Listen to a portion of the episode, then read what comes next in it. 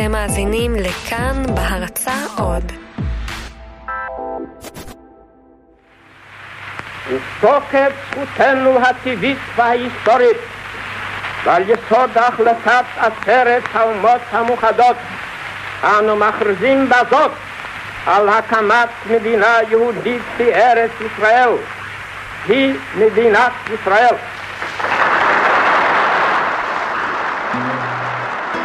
למדינה החדשה יש שם, יש המנון ויש דגל, אבל משהו חסר. מתישהו בשבועות הקדחתניים לפני הקמת המדינה, מישהו אומר, רגע, עם מה נשלם ביום שהבריטים יעזבו?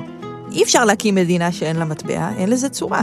בנק ישראל עדיין לא קיים, והאחריות להדפיס שטרות חדשים מוטלת על בנק אנגלו-פלסטינה, בנק מסחרי שמצא בית דפוס בניו יורק וייצר בו את השטרות הראשונים של המדינה העצמאית החדשה. השטרות האלה לא קשורים אלינו בשום צורה. להגיד שסגרו אותם במקרה יהיה understatement. לא כתוב עליהם ישראל, אין מגן דוד, אין שום דבר אחר, יש רק את הסכום שהשטר מייצג, תאריך, ורוזטות, מין מסגרות מאוירות כאלה שנשארו משטרות סיניים שהודפסו שם קודם. במילה אחת... השטרות הללו היו ממש פרווה. זה צדוק אולון, הוא מנהל מרכז המבקרים של בנק ישראל, ואחד האנשים הכי בקיאים בהיסטוריה של כסף מזומן בישראל. אפשר לומר שאפילו כמעט עברית לא הייתה כתובה שם, המילים שם היו כמעט לא מילים בעברית, בנק, אנגלו, פלסטינה. את המילה ישראל עצמה לא היה אפשר למצוא על השטרות האלה, רק א' י', ארץ ישראל, שזה הביטוי. בכל מקרה, אה, לא הייתה ברירה, כי הייתה מלחמה והיה צורך אה, מהר מאוד אה, לספק אמצעי תשלום לציבור.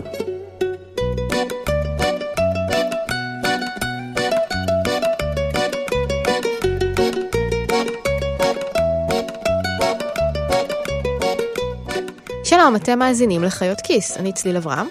ואני דנה פרנק, והיום פרק מיוחד ליום העצמאות ה-70 למדינה. היום נדבר על מה שקרה, על הדבר החצי סיני, חצי משהו גנרי הזה, ששילמנו איתו בימים הראשונים של המדינה, ועל איך הוא התגלגל לשטר עם דיוקן של רחל המשוררת. וזה די קטע, כי מטבע הוא סמל לאומי לא פחות מהמנון או דגל. למשל, אני בטוחה שיותר אנשים מזהים את ארצות הברית עם שטר של דולר, מאשר עם הנשר האמריקני. רק שהדולר נשאר באותו עיצוב משנת 1929, ואילו אנחנו החלפנו את עיצוב השטרות שלנו עשר פעמים ב-70 שנה. אגב, למה האמריקאים לא מחליפים את הדולר? אין לזה תשובה רשמית. אמ, דיוויד וולמן, שחיבר את הספר The End of Money, החוקר את תולדות הכסף בארצות הברית, אומר שהמטרה היא לשמור על יציבות המטבע. לפי וולמן, אם העיצוב של הדולר יוחלף, כולם יזכרו פתאום שכסף הוא סתם חתיכת נייר שאנחנו מייחסים לכוחות מאגיים, והיציבות שלו תתערער. עכשיו, כשמדברים על הדולר, שזה המטבע שמערכו נגזר ערכם של כל המטבעות בעולם, די מסוכן שיציבותו תתערער ולו במעט. אוקיי, okay, קיבלתי. אז למה אנחנו כל הזמן מחליפים את השטרות שלנו? זה כנראה קשור למשהו אחר לגבי השטרות. כי שטרות הם לא רק דרך מתוחכמת יותר למסחר מאשר קחי אז תביאי תפוח אדמה, הם גם סמל ויזואלי. המדינה מדפיסה כרזות קטנות, המון, ומשחררת אותם אה, לאוויר העולם, ובעצם אנחנו משתמשים בהם כל יום, כל היום. זה פרופסור עדי שטרן, נשיא בצלאל, האקדמיה לעיצוב אמנות, והוא היה גם חבר בוועדת השטרות של בנק ישראל, שבחרה את סדרת השטרות הנוכחית, זאת שעכשיו בארנק שלכם. פרופסור שטרן, שהוא מעצב וטיפוגרף בכיר, ישב בוועדה עם כל מיני אנשי מקצוע שמשתתפים בהליך בחירת המטבע שלנו.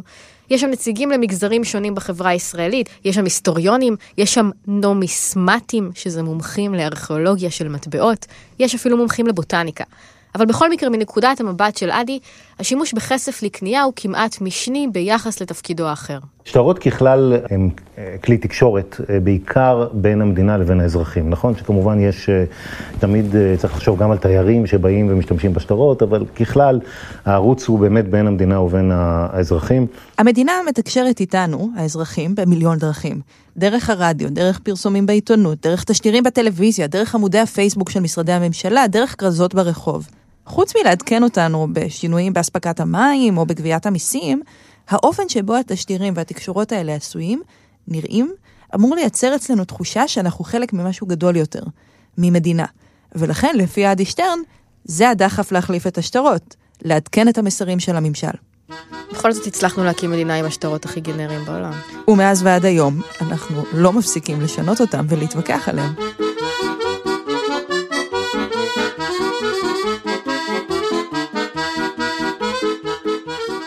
השטרות הגנריים של בנק אנגלו-פלסטינה נשארו איתנו עד שנת 55. שבע שנים הם עברו לפני שבנק ישראל קם, נעמד על רגליו והתפנה להדפיס שטרות שאשכרה קשורים למדינה, וגם אותם בכלל עיצבו בבריטניה. על השטרות משנת 55 הודפסו נופי הארץ, הגליל, המדבר, עמק יזרעאל. בצד השני היה ציור מופשט ומורכב מאוד, שהיה אמור למנוע זיוף. קשה לתאר איך זה נראה, זה מין אה, אה, ספירלות? ספירלות משוננות כאלה? אולי זה קצת, לי זה קצת מזכיר קונכייה. מה, מה זה נראה לך, צליל? אסור להגיד את זה ברדיו. יכול להיות שהציור היה מופשט מדי, הוא בוודאות היה מופשט מדי לנשיא המדינה דאז יצחק בן צבי, ששיגר מכתב נוזף לנגיד בנק ישראל, כולל השורה האלמותית, הציור המרכזי אינו מובן לי, והרי ייתכן מאוד רבים לא יבינו כמוני שאינני מבין בכלל בציורים מסוג פיקאסו. אאוץ'. כן. דוד הורוביץ, הנגיד הראשון של בנק ישראל, קלט את גודל הפדיחה, ותוך ארבע שנים, ב-1959, החליף את הסדרה באחת אחרת, שעיצבו יעקב צים והאחים שמיר, מהמעצבים המיתולוגיים שחיו כאן, ואחראים בין היתר גם לסמל המדינה. ולפני שנדבר על הסדרה היפה מאוד שהם יצרו, קחו שנייה לחשוב על שטרות שאתם מכירים. איך הם נראים? בדרך כלל יש בצד אחד דמות מפורסמת כלשהי, על עשרה דולר אמריקאים למשל אלכסנדר המילטון, על עשר לירות סטרלינג ג'יין אוסטין. השטרות של האחים שמיר היו עם טוויסט. הופיעו להם דמויות, אבל לא מפורסמות. יש פה מסר סוציאליסטי חריף. המדינה בת 11, ועל השטרות שלה מופיעים אבטיפוסים של הישראלים האידיאליים. חיילת בנחל, דייג, מדען, ועל השטר הכי גבוה, 50 לירות, שני חלוצים. אני לא מבקר את התקופה הזאת. לאיש הזה קוראים דן רייזינגר, והוא כוח טבע. את צריכה להציג אותי, אני לא מדבר על עצמי. אתה לא מדבר על עצמך? לא, מה יש להגיד? אז אני אציג אותו.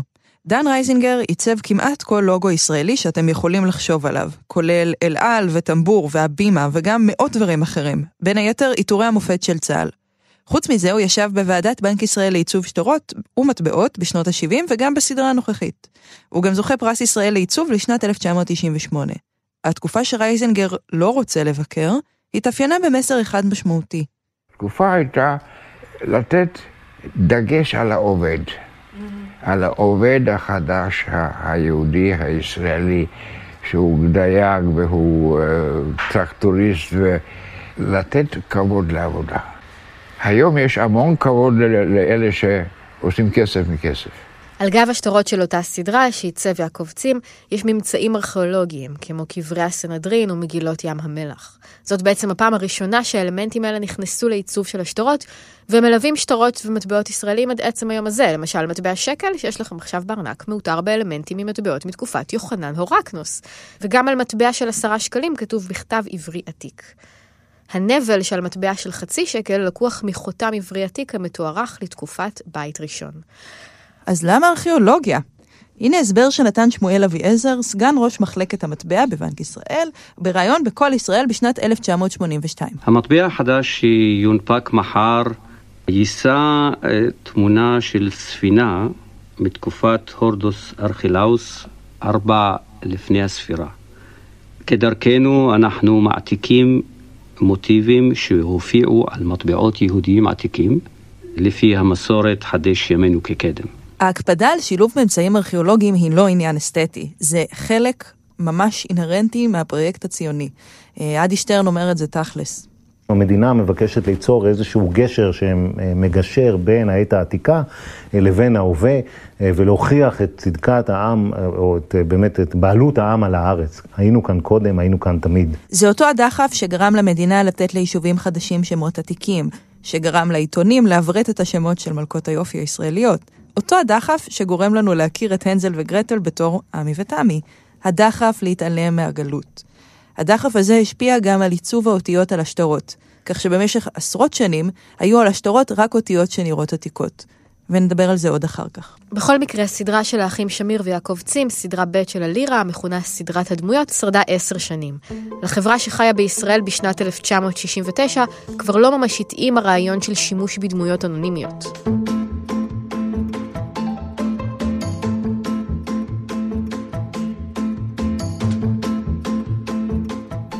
מהבוקר שווה הרצל אחד עשרה ביאליקים. אלה שידורי כל ישראל מיום שישי באוגוסט 1970, שמבשרים על המהפכה. בעתיד יהיו חמישה ביאליקים שווים ויצמן אחד, ושני איינשטיינים יהיו שווים ביאליק אחד. אינני עושה כמובן בהערכת אישים, כי אם בשטרות הכסף הנושאים את דיוקניהם. חיים נחמן ביאליק מציץ אלינו מהבוקר מעל גבי שטר בסך 10 לירות, שנכנס היום למחזור. דוב אשבל, מנהל המחלקה להוצאה של בנק ישראל, סיפר לכתבנו כיצד, מתי, מדוע והיכן מדפיסים את כספנו. בדרך כלל אנחנו לא נוהגים להדפיס על שטרות, או לא נהגנו אף פעם, והנה אנחנו מתכננים את זה דמויות של אנשים החיים עמנו כיום. דמות על שטר היא אפקט ביטחוני שהציבור מתרגל במשך הזמן להכיר אותו, וזה עוזר כמנע נגד זיופים.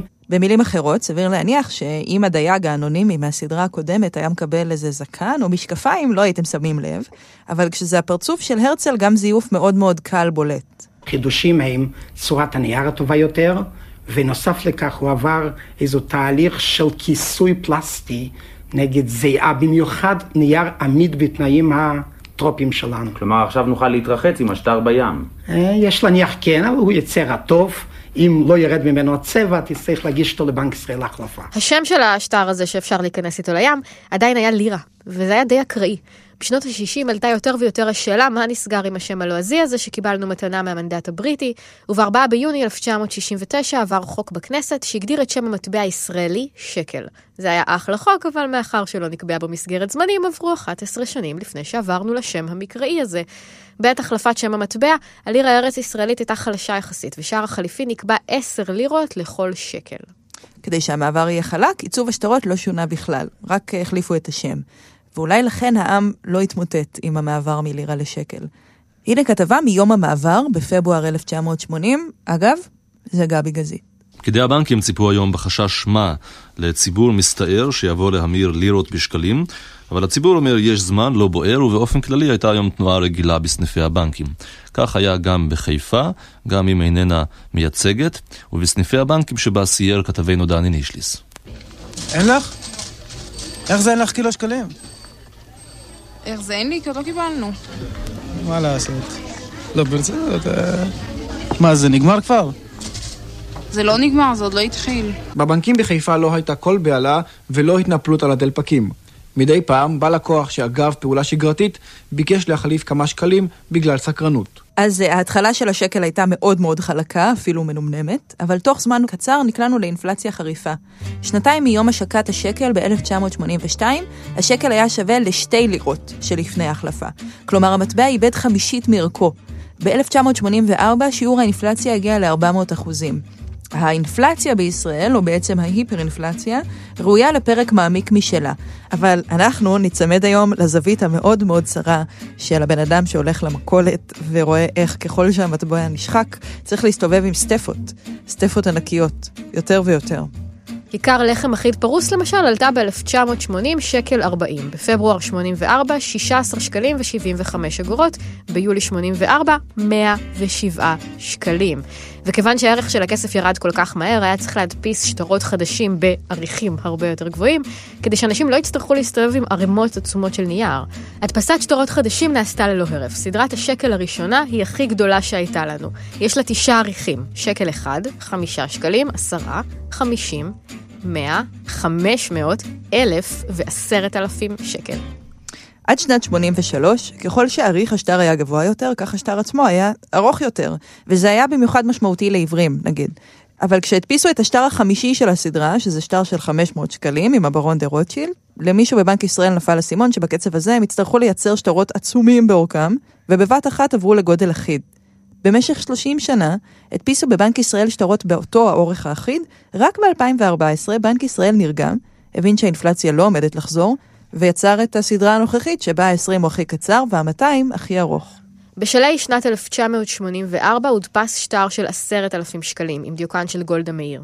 המאמצים לייצב את האינפלציה נכנסו אז להילוך גבוה במיוחד, ובין היתר הוחלט להחליף את המטבע משקל לשקל חדש, בו אנחנו משתמשים עד היום. שער ההמרה בין שקל לשקל חדש היה אלף שקלים. אז לקחו את השטר ההוא של גולדה, של העשרת אלפים שקלים, והפכו אותו לשטר של עשרה שקלים חדשים. כל השאר נשאר אותו דבר. שתי הסדרות הבאות אחר כך, שתי הסדרות של השקל החדש, היו דומות מאוד לסדרה ההיא. היו פחות שטרות, אבל עגנון, שרת ושזר נשארו על השטרות במשך 30 שנה, כשהעיצוב התעדכן מדי פעם. כן היה שינוי אחד בשנת 95, כשגולדה הפכה למטבע, ואז נעלם השטר ההוא של גולדה, שאני זוכרת, ואת זוכרת, אבל רום לא. להתראות לכם דמי כיס חמודים, להתראות גולדה עם שפם. בשנת 99 הודפס שטר עם דמותו של יצחק בן צבי, שהשלים ארנק מלא בגברים. אבל עוד! לא, לא עוד.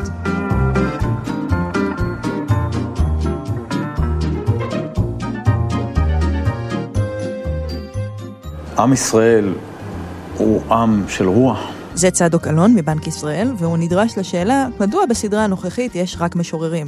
אלתר 200, מאה גולדברג, שטרניחובסקי ורחל, שגם בחייה לא היה לה יותר מדי הומור. העם שמתאווה לדברים רוחניים, ולאו דווקא בעניינים ארציים, אלא שבאמת הוא רואה את עצמו כאיש הספר, נאמר במובן ההיסטורי של הדבר הזה, ואני חושב שזה מכובד וראוי.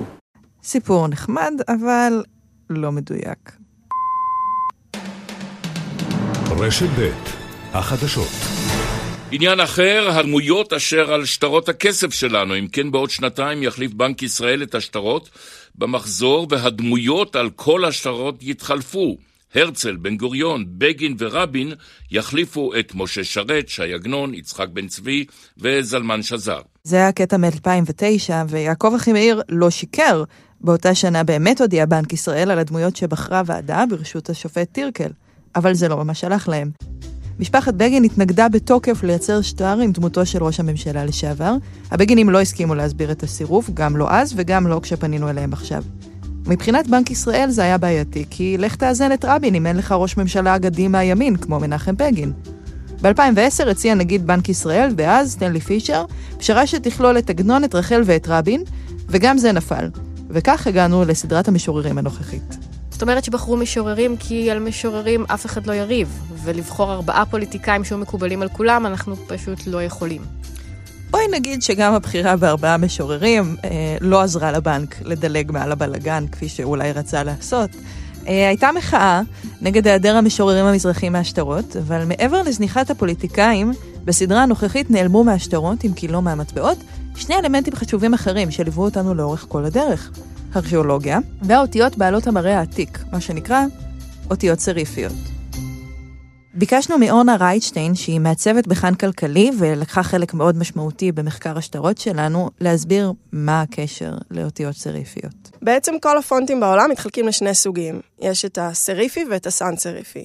אמ, כשאתם מסתכלים על הכתב, אתם יודעים שהוא סריפי כשהאותיות מסתיימות בתגים, זה החלק למעלה שטיפה עולה. זה סימנים שהם אה, קצת מחקים את סימני הכתיבה בציפורן או באזמל. כל ספרי הקודש נגיד, התנ"ך, הם נכתבו ועדיין נכתבים בפונט סריפי. אה, וגם, למעשה הפונט שאנחנו קוראים הכי הרבה בעיתונים או בספרים, גם הוא, הוא פונט סריפי והוא נקרא פרנק ריהל. הפונטים שהם אה, חסרי תגים, הם בעצם הפונט, הפונטים הסאן סריפיים. וזה נגיד פונט כמו שנראה על הוואטסאפ שהוא אריאל, או הפונט שאנחנו משתמשים בו בוורד. מבחינת עיצוב האותיות, מה שנקרא טיפוגרפיה, אה, הקמת המדינה דווקא לקחה אותנו אחורה. זאת אומרת שהדברים שנחשפו בחפירות ארכיאולוגיות באותה תקופה, הם חלחלו אל תוך השפה העיצובית שהשתמשו בה במדינה. אה, ובאמת אנחנו יכולים לראות שהרבה פונטים שנוצרו דווקא אז, מדגישים יותר את המאפיינים הסריפיים. אני זוכר, למדתי כתב בשיעורי קליגרפיה בבצלאל לפני 50-60 שנה, בדיוק לפי האותיות של מגינות הגנוזות. בדיוק אותו דבר. זה שוב דן רייזינגר. מכל מקום, אה, בארנק שלנו כבר אין אותיות סריפיות. הכתב על השטרות היום לא מתאמץ להיראות עתיק. להפך. השטרות החדשים באמת מאוד נקיים וריקים קצת. אין עליהם כמעט סימנים לאומיים, אין עליהם סימנים דתיים. הם נראים כמו יורו. תראי, בעבר השטרות היו כלי תקשורת מאוד מאוד חשוב ואפילו מרכזי של המדינה, כי לא היו אמצעים אחרים לתקשורת ויזואלית. אז יכול להיות שבעידן האינטרנט והתקשורת הדיגיטלית, קצת פחות דחוף לתקוע את כל המסרים בעולם על אותה חתיכת נייר.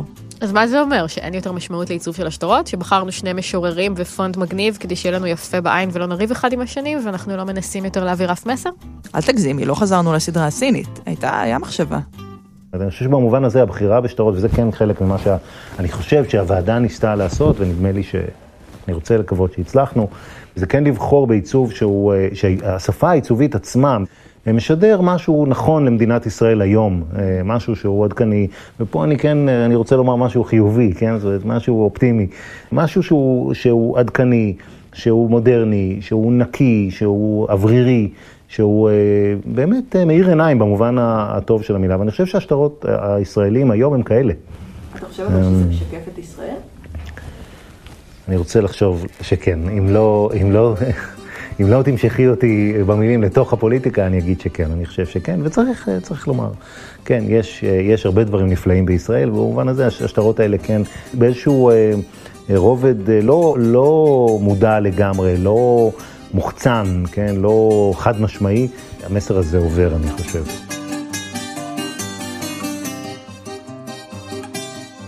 יש משהו שעדיין מטריד אותי. צליל, מה מטריד אותך? למה אנחנו מחליפים שטרות כל כך הרבה?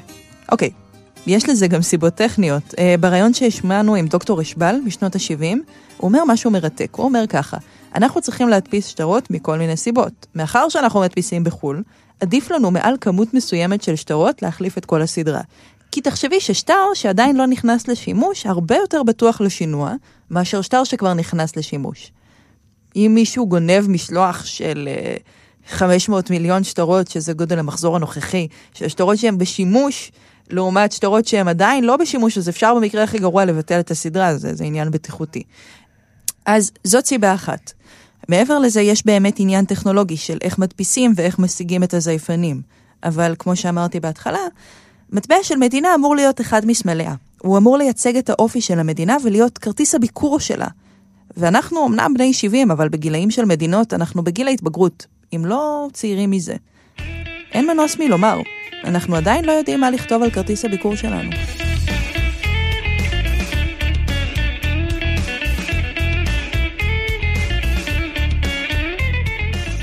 אנחנו היינו חיות כיס, תודה רבה דנה פרנק. תודה לך, צליל אברהם. תודה לעורך התוכנית רום אטיק, תודה לאסף רפפורט, טכנאי הסאונד, תודה מיוחדת לשלומי בן עטיה, ומעל הכל תודה לסטודיו של כאן כלכלי, סוהיני טל, אורנה רייטשטיין וטל הירשנזון, שנרתמו בהתלהבות אדירה לכל פרויקט השטרות. אם אתם רוצים לראות את השטרות שדיברנו עליהם עכשיו, ולא רק לדמיין אותם בראש, אתם מאוד מוזמנים להיכנס לעמוד הפייסבוק שלנו, של כאן כלכלי, ולראות uh, את הסרטון המהמם שהכנו איתם. חג שמח. חג שמח.